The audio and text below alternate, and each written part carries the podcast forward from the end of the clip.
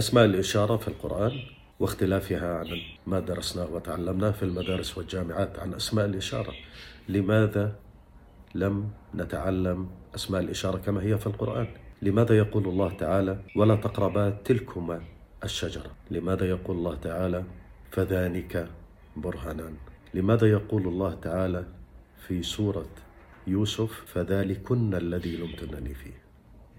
هل هنالك قاعدة لأسماء الإشارة الموجودة في القرآن وكيف تختلف عن أسماء الإشارة التي تعلمناها؟ تابعنا على ال social media تويتر يوتيوب إنستغرام تيك توك لسان العرب ولهجاتهم. في انتظاركم.